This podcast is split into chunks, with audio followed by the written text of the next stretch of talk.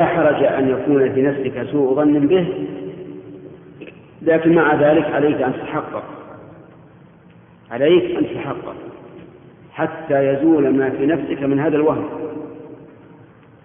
لأن بعض الناس قد يسوء الظن بشخص ما بناء على وهم كاذب. لا حقيقة له.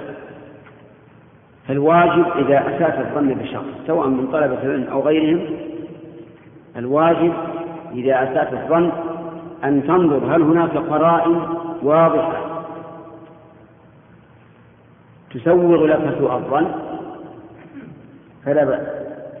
وأما إذا كان مجرد أوهام فإنه لا يحل لك أن تسيء الظن بمسلم ظاهر ظاهر العدالة.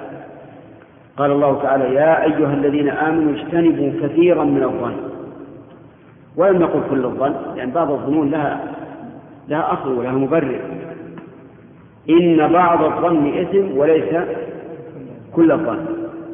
فالظن الذي يحصل فيه العدوان على الغير هذا لا شك أنه إثم والظن الذي لا مستند له هو أيضا إثم وأما إذا كان له مستند فلا بأس أن تظن الظن السيء.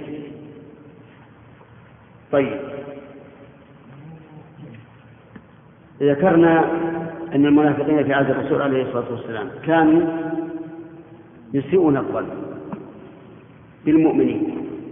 إذا تصدق الغني بكثير قالوا هذا مرائي. وإذا تصدق الفقير بقليل قالوا إن الله غني عن عن صاع هذا. فيلمزون المتطوعين من المؤمنين في الصدقات ويلمزون الذين لا يجدون إلا جهدهم فالواجب إحسان الظن متى أمكن ذلك.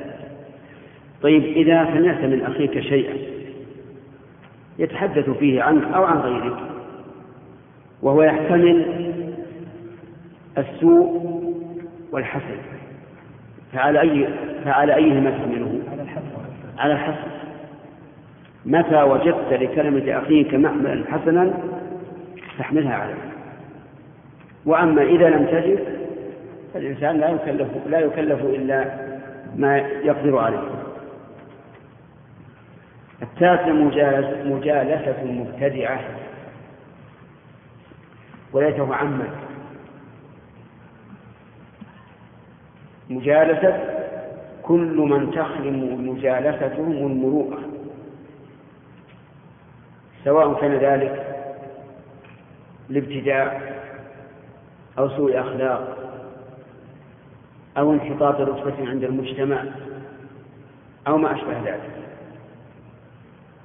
فينبغي لطالب العلم أن يكون متنزه مترفعا عن مجالسة من تخرم مجالستهم إيش؟ المروءة أو تخدش الدين. لكن كأنه خص ذلك بالمبتدعة لأن المقام مقام تعليم.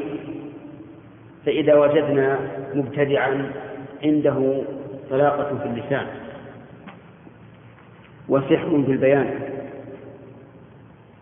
فإنه لا يجوز أن نجلس إليه لأنه مبتدع. لماذا لا يجوز؟ أولا لأننا نخشى من شره.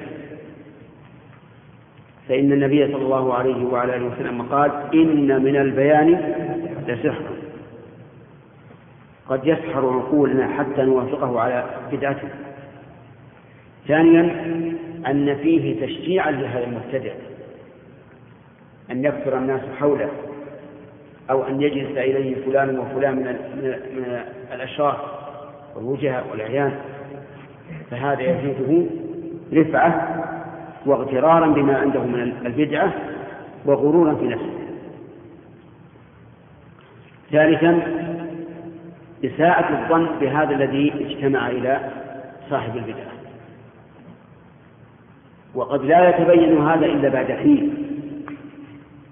فإن الناس إذا رأوك تذهب إلى صاحب البدعة سوف يتهمونك وإن لم يتبين هذا إلا بعد حين. ولهذا ينبغي لطالب العلم بل يجب عليه أن يتجنب الجلوس إلى أهل البدع. فإن قال قائل إذا كنت أجلس إليهم أتلقى عندهم علما لا علاقة له بالبدعة كعلم النحو مثلا علم البلاغة. فماذا نقول؟ نقول وعلم النحو وعلم البلاغة قد يكون فيه بلاء.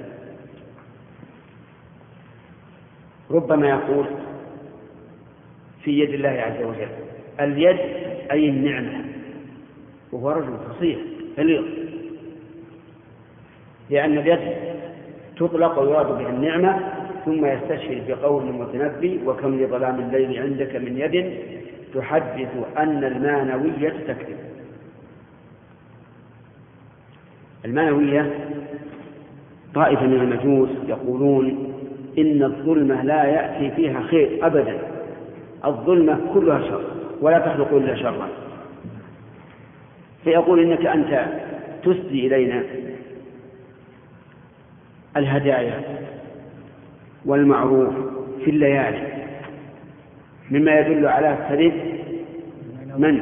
المانوي فيقول هذا المبتدع للناس الذي عنده طلاقة في اللسان وسحر في البيان يقول المراد بقوله تعالى بل يداه مبسوطتان ينفق كيف يشاء أي نعمتان. فيغر الناس وهذا المثال موجود في البلاغة. كذلك أيضا يأتي في النحو. يقول يجوز حذف المضاف وإقامة المضاف إليه مقامة ويطنب بس هذا المعنى. ثم يقول ومثاله في القرآن قول الله تعالى وجاء ربك والملك صفا صفا أي وجاء أمر ربك. وفي السنة ينزل ربنا إلى السماء الدنيا فيقول من يدعوني فأستجيب له. أي ينزل أمر ما يلبس على الناس. هو درس نحو صاحب العقيدة يريد أن يخلخل لها مكان في العلوم مهما كان. لذلك احذر أن تجلس إلى صاحب بدعة. ولو في الفنون التي لا علاقة لها في بدعته لأنه لا بد أن يدس السم في إيش؟ في العسل. أو في الدسم لا بأس. المهم لا بد أن أن ينالك المسلم. سواء هذا أو هذا. طيب. وقلنا إن الأولى أن يقال جانب مجالسة. كل من تخل مجالسته إيش؟ بالمروءة. أو أو أو بالدين. كذلك نقل الخطى إلى المحارم. يعني مما يحرم هذه الحلية نقل الخطى إلى المحارم. يعني أن يمشي الإنسان إلى إلى الأمور المحرمة. فإن هذا من خوارم هذه الحلية إذ أن الذي ينبغي لطالب العلم أن يتجنب هذا. بل إن بعض العلماء يقول يتجنب حتى الخطى إلى أمر ينتقده الناس فيه. كما لو ذهب طالب العلم أو نعم. إلى مبيع النساء. النساء لها أسواق للبيع.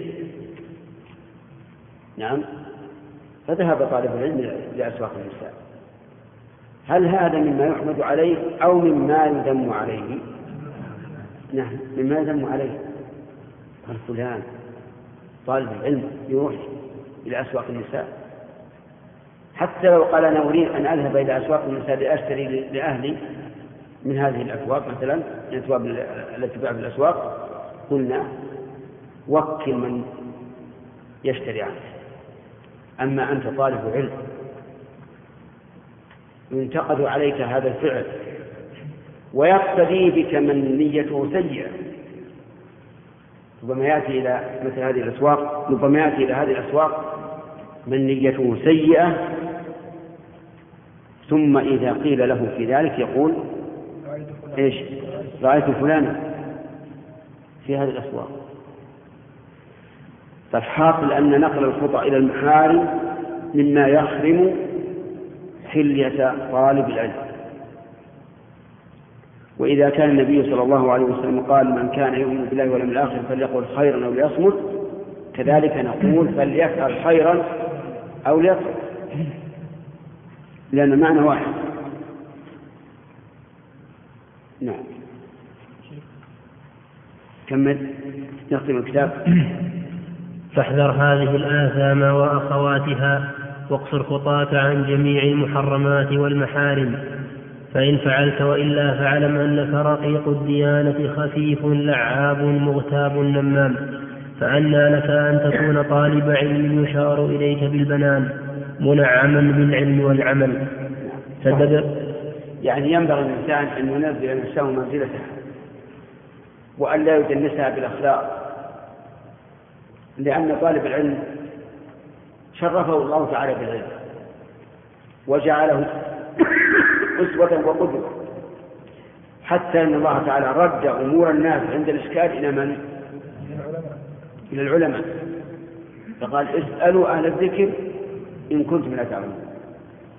وقال تعالى وإذا جاءهم أمر من الأمن أو الخوف أذاعوه.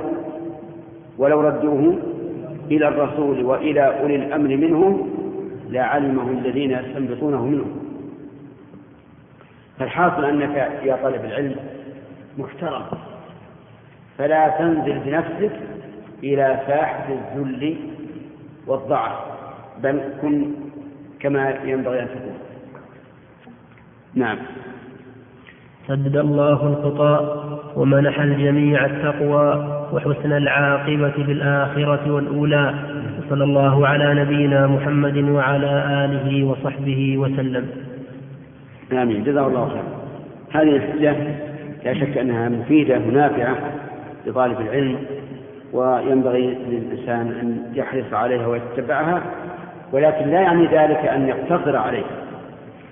بل هناك أيضا كتب أخرى آه، صنفت في آداب طالب العلم ما بين قليل وكثير ومتوسط. وأهم شيء أن الإنسان يترسم خطى النبي صلى الله عليه وعلى وسلم ويمشي عليه. فهي الحلة الحقيقية التي ينبغي الإنسان أن يتحلى بها. كما قال الله تعالى لقد كان لكم في رسول الله أسوة حسنة لمن كان يرجو الله واليوم الآخر وذكر الله كثيرا.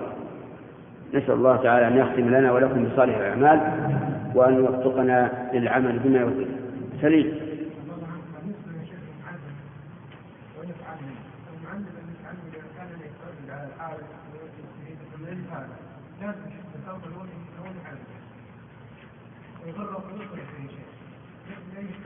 هذه أيضا مما يؤيد الابتداء على الابتعاد عن المبتدع. لأنه ربما إذا رأيت أنه نفعك وأحسن إليك وعلمك ربما يقع في قلبك محبة له وتعظيم له حتى تأخذ بما قال من صواب وخطأ. نعم. إي نعم. ها؟ إيش؟ لا لا. إشارة إلى بمنان يعني يقال مثل فلان. يتحدث عنه. وليس مراد أنه لازم يشار إليه المعنى أنه معروف عند الناس وأنه صاحب علم ورفيق. هذا المعنى. ولا من المعنى. حتى الآن لو يمر لو, لو يمر عندك أكبر عالم ما تقول هذا فلان هذا فلان. لكن نعم ربما يقال هذا فلان هذا فلان فعل الصحابة رضي الله عنهم حين قدم الرسول عليه الصلاة والسلام المدينة أول ما قدم جعل الناس يأتون أفواجا ويقول هذا محمد هذا محمد صلى الله عليه وسلم. أيوب؟ شيخ في سوء الظن أحيانا الإنسان يعني يرى من شخص يعني يعني شبه سوء الظن ولكن يريد أن يحسن الظن ولكن يعني أمر مثل الفراسة في نفسه يضرب فيه يقول أسوء الظن بهذا فهو هل يعني يصدق نفسه يعني, يعني على على مول الدراسة أم أنه يعني يعني مع ذلك يتجاهل ويحسن الظن؟ لا لا نحن قلنا إذا كان هناك قرائن وأساس الظن بناء على هذه القرائن فلا بأس لكن تحقق مصاحبه تحقق مصاحبه يعني إذا لم لم يمكن التحقق لا احتكاك يعني قليل. ينتظر. لا يحكم بمجرد الوهم. ولا تقف ما ليس لك به علم. لكن هنا هل الأصل إحسان الظن بالناس في معاملاتهم وفي ائتمانهم وما أشبه ذلك؟ يعني أنت تريد أن تعامل إنسانا هل الأصل حسن الظن به أو لا؟ نعم. نعم. نعم. أو الأصل الأصل سوء الظن؟ لا. أو يختلف. ربما ي- نعم ربما تغير أحوال الناس. ويأتيك الإنسان العدو بصورة صديق. نعم يأتي إليك بصورة صديق. لكن لا تسيء الظن إلا إذا وجدت قريب.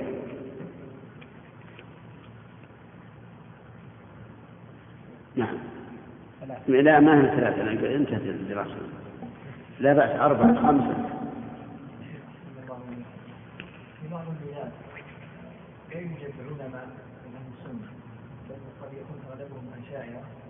فلا يوجد من يدرس مثل العلم العربي أو اصول الفقه. فهل يقال للطالب اجتنب هذه المتبعه واعتكف على الكتب لتحصيل العلم أم يقال يعني خذ عليهم مع الحذر منهم أنا عندي أن الأول أحسن. لا تحضر عليه لأن لأن التلميذ يأتي وهو يشعر بأنه أدنى مرتبة وأقل وأقل علما من المدرس فلا بد أن يتأثر به. فإذا كنت تعلم أن هذا مثل معتزلي أو جهمي أو أشعري فأبعد عنه. لكن مع- معلوم أنه يفرق بين أن أحضر إليه لطلب علم النحو مثلا أو البلاغة وبين أن أحضر إليه أدرس عليه العقيدة. الأخير أشد خطرا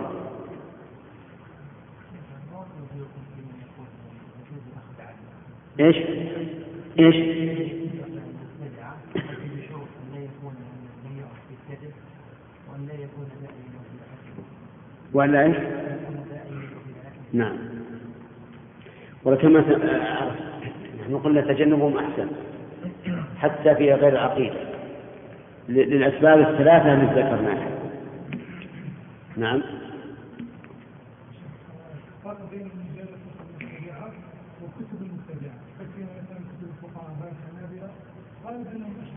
هنا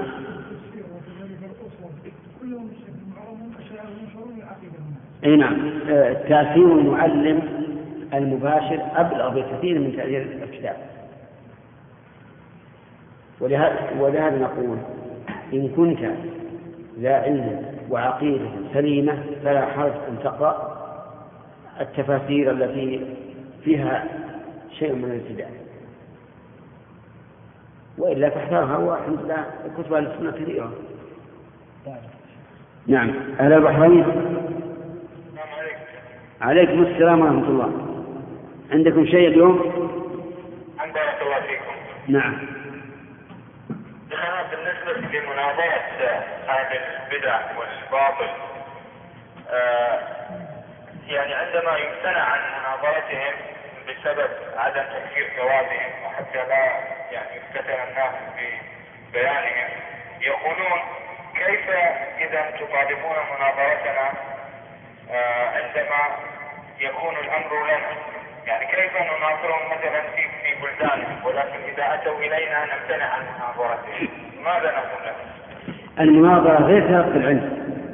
إذا كان لديك قدرة في المناظرة في العلم والإقناع فناظرهم.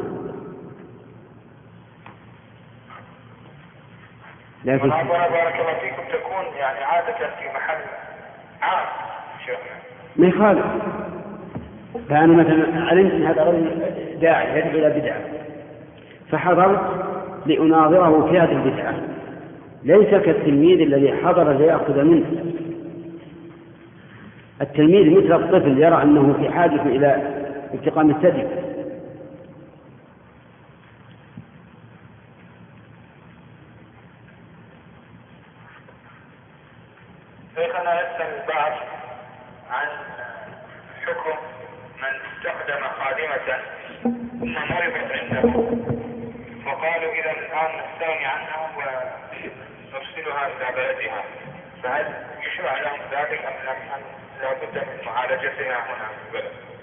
والله اللي نرى أن, أن الأفضل لا شك أنه يعالجه هنا في البلد. أما الوجوب فلا يجب. إي نعم. نعم. ما حكم لباس المرأة إذا لبست السروال الوسيع الفضفاض ولبست عليه قميصا خفيفا فضفاضا إلى نصف الساقين؟ أخشى أن يكون هذا سلما إلى أن تلبس النساء البنطلون. وإلا فهذا اللباس الذي ذكرت لا لا بأس لأنه لباس والقميص سافر إلى نصف الساقين فالسوءة مستورة بثوب فضفاض لكني أخشى أن النساء يعني يتدرجن من هذا إلى شيء إلى شيء محرم.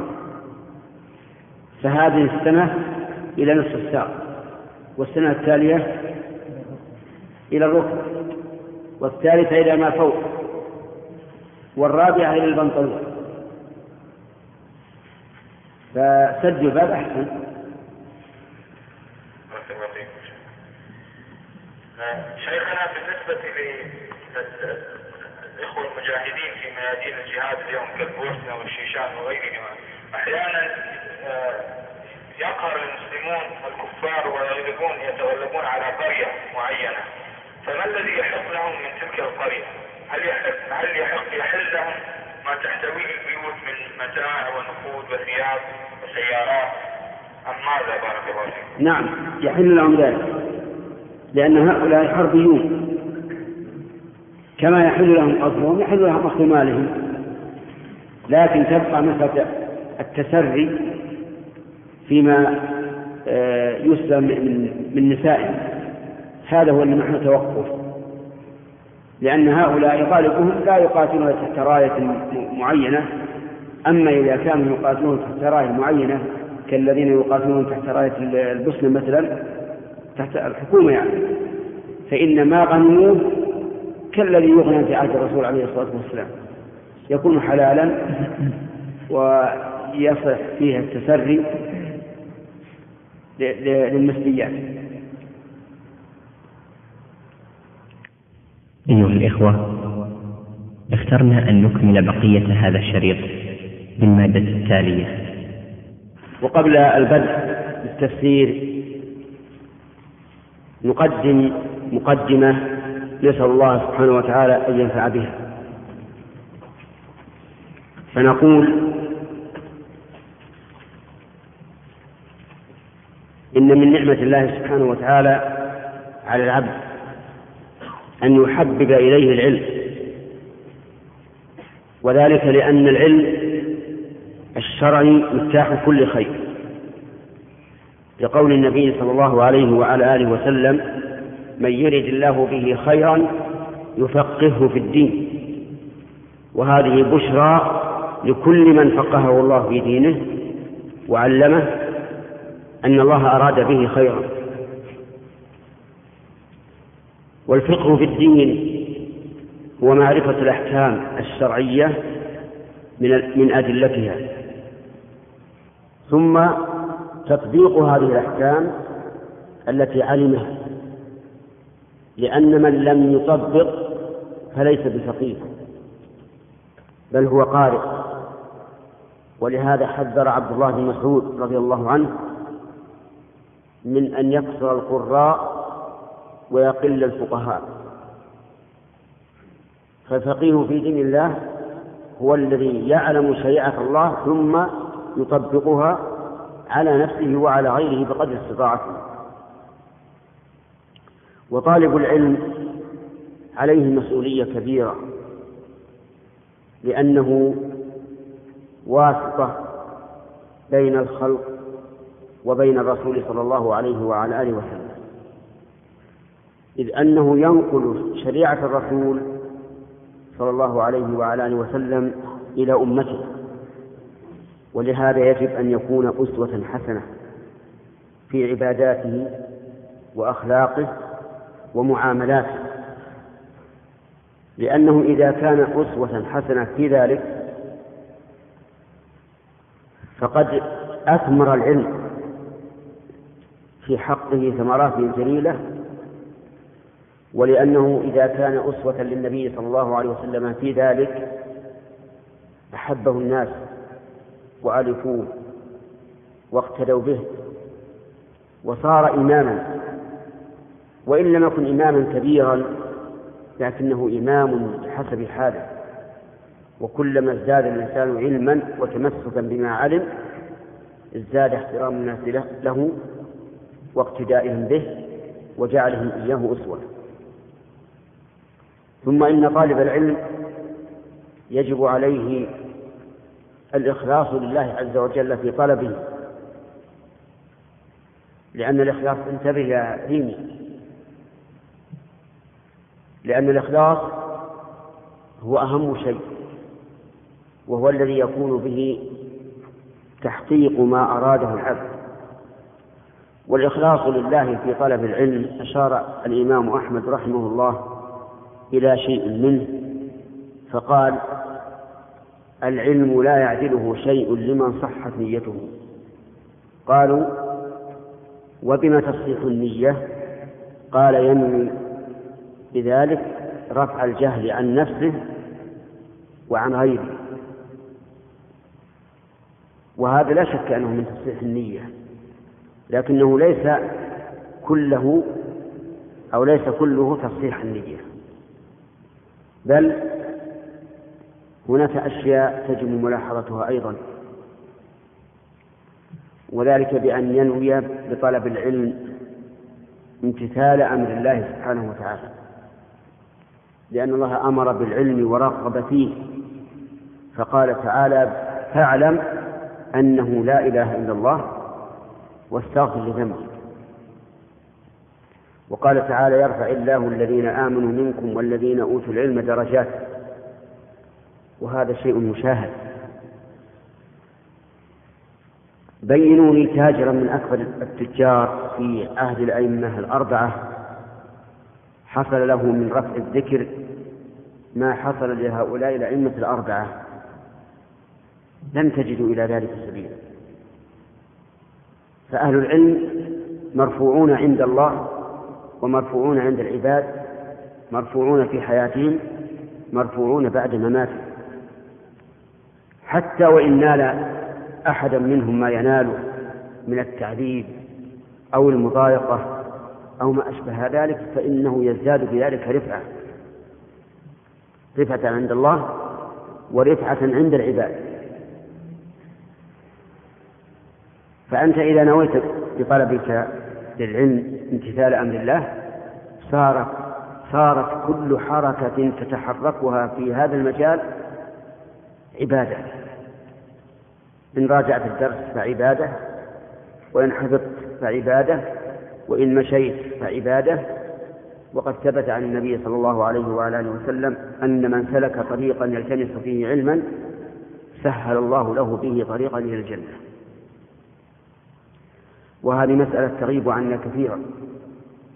كثيرا ما نراجع الكتب لتحقيق مسألة ما ولكن يغيب عنا أننا الآن في عبادة. نرجو بها ثواب الله. لكن إذا استحضر طالب العلم أنه يمتثل أمر الله سبحانه وتعالى بطلبه العلم صار طلبه للعلم عبادة. الثاني أن ينوي بطلب العلم حفظ الشريعة لأن الشريعة تحفظ برجالها ولهذا قال النبي صلى الله عليه وعلى آله وسلم إن الله لا يقبض العلم انتزاعا من صدور الرجال ولكن يقبضه بموت العلماء. حتى إذا لم يجد الناس علماء يستفتونهم استفتوا أناسا جهالا فأفتوا بغير علم فضلوا وأضلوا. إذا حفظ الشريعة يكون بماذا؟ بالعلماء برجالها. فانوي بذلك أي بطلبك العلم حفظ الشريعة. ونعم الرجل أنت إذا كنت خزانة لشريعة الله عز وجل. الثالث أن ينوي بهذا أي بطلبه العلم حماية الشريعة والزوج عنها لأن الشريعة لها أعداء. أعداء معلنون بعداوته وأعداء يستخفون من الناس ولا يستخفون من الله وهو معهم إذ يبيتون ما لا يرضى من القول. فلها أعداء. فأنت فأنت إنوي بطلب العلم حفظ الشريعة نعم حماية الشريعة والدفاع عنها. وإذا كان هذا مقصود طالب العلم فإنه سوف يختار الجهة التي يكون غزو أعداء المسلمين من ناحيتها. وعلى هذا يجب أن يكون على علم. بما يجري في الساحة من الأفكار الرديئة أو العقائد الفاسدة. ونضرب مثلا بوقت من الأوقات. مر على الناس وهم لا يعرفون مذاهب أهل التعطيل ولا يعرفون الأفكار المنحرفة الهدامة لأنهم لم يخرجوا من بلادهم ولم يفد إليهم أحد, إليهم أحد من غيرهم. فهم متفقون على علمائهم ولا يعرفون إلا الحق.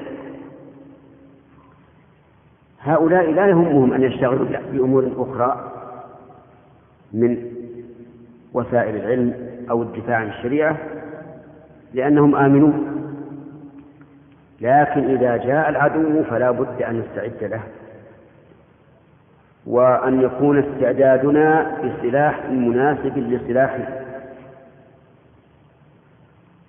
فمن المعلوم مثلا أن من هاجمك بالمدافع والصواريخ لا يصلح ولا يستقيم أن تدافعه بما يسمى بالسلاح الأبيض بالخناجر والسيوف وما أشبهها. لأن الواجب أن تستعد لكل عدو بماذا؟ بما يناسب سلاحه. فالآن صارت الساحة أفكار رديئة خبيثة. إن لم تكن ملحدة فهي إلى الإلحاد أقرب من الاعتدال. ولا حاجة إلى التخصيص لأنه معلوم عند كثير منكم نحتاج أن نعرف هذه الأفكار وكيف نبطلها وإني أقول لكم إن جميع الأفكار المنحرفة إبطالها سهل جدا. حتى وإن هولوا الأمر وإن ضخموا فهم كالسنج تعصره بيدك يخرج كل ما فيه كل ما فيه. ولا تتهيبوا لأنهم ليس عندهم علم مسموع ولا ولا عقل مصنوع فلا بد أن أن الإنسان إذا كان قد نوى بطلب العلم حماية الشريعة والدفاع عنها لا بد أن يعرف ما يكون في الساحة حتى يستطيع أن يدافع. ولكل مقام مقال ولكل مكان ما يناسبه. وإني أقول لكم إن حماية الشريعة والدفاع عنها لا يكون إلا برجالها. لو أنك كنت في مكتبة ومعك جماعة ودخل رجل ملحد يقرر الإلحاد وأنتم لا علم عنده. لكن المكتبة مملوءة من الكتب التي ترد على الملحدين وتبين زيف ما هم عليه. هل يمكن أن يقفز كتاب منها من أجل أن يرد على هذا الملحد؟ لا يمكن. فالكتب وإن كثرت لا تفيد. لا بد من علماء. وإذا كان في هذا المكان الذي ذكرت إذا كان فيه عالم فسوف يتكلم بما يرد قول هذا هذا الملحد حتى ينكص حتى ينكص على عقبيه. هذه أمور ثلاثة كلها تترتب على إيش؟ على إخلاص النية. الأمر الثالث الرابع. ما أشار إليه الإمام أحمد رحمه الله. أن ينوي رفع الجهل عن نفسه وعن غيره. ومتى كان ينوي ذلك فلا بد أن يجد في الطلب. لا بد أن يجد في الطلب. لأن من أراد الغناء لا بد أن يكتسب. ولا بد أن يتجه. ولا بد أن يخوض جميع ميادين التجارة فإذا كان يريد رفع الجهل عن نفسه فليس من الممكن ولا من المعقول أن يجلس من غير تعلم. لا بد أن يجد في الطلب. وإذا كان يريد رفع الجهل عن غيره فلا بد أن يحرص غاية الحرص على نشر علمه بالوسائل المناسبة الوسائل القوية في كل مجال. يمكن أن ينشر العلم عن طريق الحديث في المجالس العادية. جلس مجلسا في وليمة في أي مكان في أي مكان يمكن أن ينشر علمه. ولكن كيف ذلك؟ بالطريقة اللبقة المحببة للنفوس والتي لا توجب الملل والاستثقال يمكن أن يورد مسألة من المسائل في هذا الجمع الذي عنده. يورد مسألة تقول ما تقولون في رجل فعل كذا وكذا أو قال كذا وكذا أو يأتي المسألة مسألة إلغاز حتى يفتح الأذهان. وحينئذ يدخل في تعليم الناس. آه، لست أقول افرض افرض نفسك في المجلس الذي أنت فيه لأن هذا صعب على النفوس لكن اجلبهم إلى العلم بالطرق المحببة المناسبة المناسبة حتى يشتغل المجلس.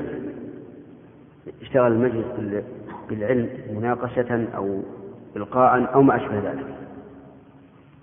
كذلك أيضا ينشر علمه عن طريق الأشرطة عن طريق الأشرطة والأشرطة ولله الحمد. نفع الله بها نفعا كثيرا. خصوصا وأن الناس كثيرا منهم وخاصة من الشباب يتلقون هذه الأشرطة بشغف ولهف لا تكاد تخرج إلا والناس يتلقونها وينتفعون بها. فهذه الأشرطة ولله الحمد فيها مصلحة كبيرة ونشر العلم. وليس وليس في مكانك أو أو بلدك أو منطقتك بل إنه يتعدى إلى خارج بلادك. كما سمعنا أن أشرطة الدعاة والعلماء تذهب إلى أماكن بعيدة. هذه هذه من من وسائل نشر العلم. ثالثا يمكن أن تنشر العلم عن طريق الكتابة كتابة الرسائل تأليف كتب نشرة ورقية وما أشبه ذلك بقدر المستطاع حتى تنشر علمك وتنفع وتنتفع.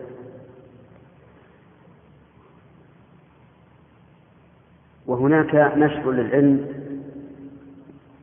بطريق خفي يخفى على طالب العلم أو على كثير من طلبة العلم ألا وهو نشر العلم عن طريق العمل به. كثيرا ما يرقب الناس هذا العالم ويرون ماذا يصنع فيقصدون به.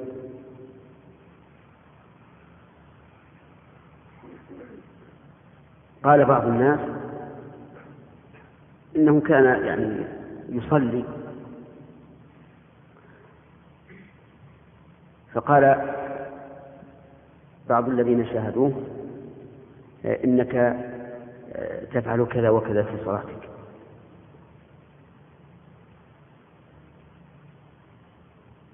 فانظر كيف كان الناس يراقبون أفعال طالب العلم من أجل أن يقتدوا به. وهذا من طريق مش فعلي.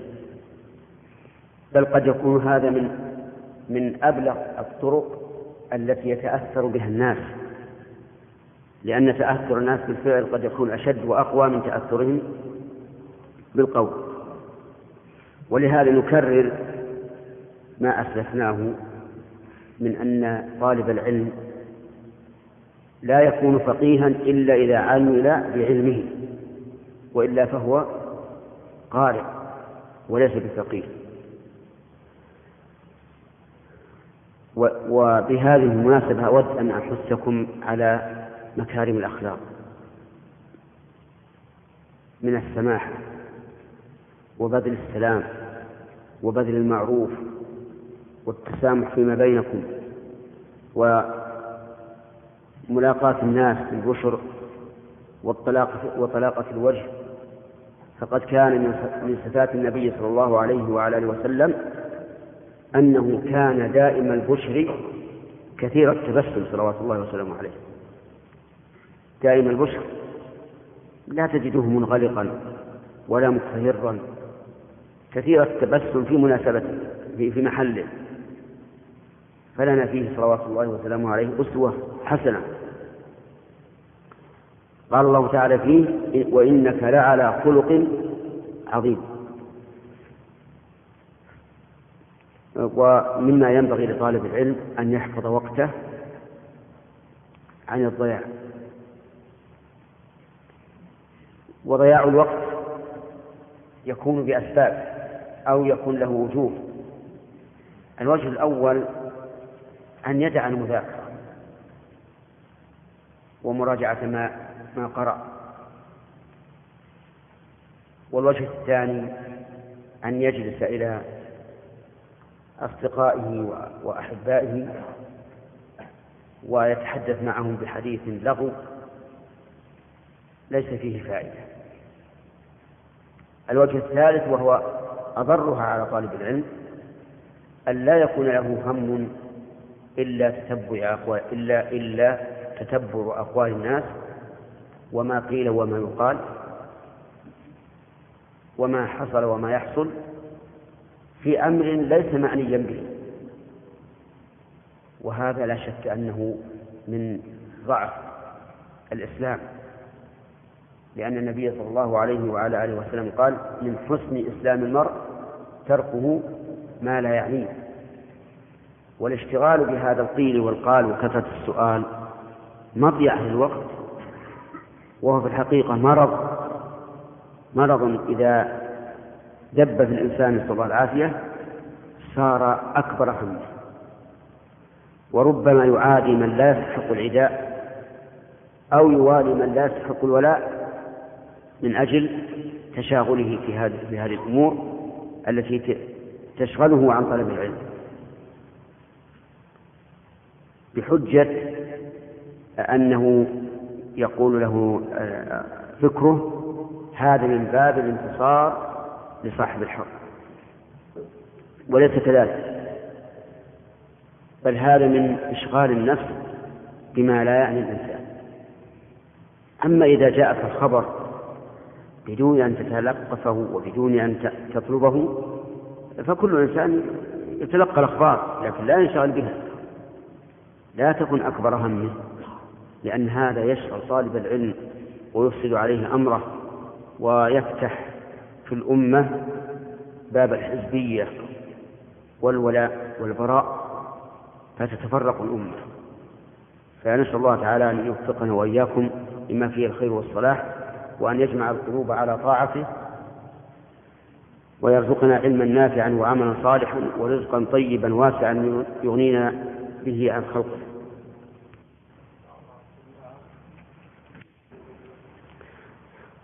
حقيقة أن الناس في كل أمورهم ينقسمون إلى ثلاثة أقسام.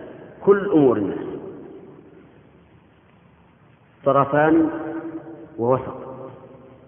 طرف مفرط وطرف مفرط. ووسط. من الناس من يشتغل بما يسمونه فقه الواقع ولا يكون له هم إلا تتبع الناس. وقيل وقال وكثرة السؤال. وهذا لا شك أنه مضيعة. مضيعة وتشاغل بالمهم إن كان مهما عن الأهم. وهذا غلط. ومن الناس من يتشاغل بالفقه الشرعي ويحرص عليه لكنه لا يلتفت إلى أحوال الناس إطلاقا. بل ربما ينكر من من الفقه الشرعي ما يظن أن الدليل لا يدل عليه. وهذا هذا أيضا طرف خطأ. ومن الناس من يحاول الجمع بين هذا وهذا. ونحن إذا سبرنا سيرة النبي صلى الله عليه وعلى آله وسلم وجدنا أنه عليه الصلاة والسلام يفهم الواقع. هذه المادة؟ ويفهم الناس. أن ويفهم الخير من من الشرير. مؤسسة الاستقامة لكنه صلى الله عليه وسلم يهتم بماذا؟ بالأمر الثاني الذي هو الفقه في الدين.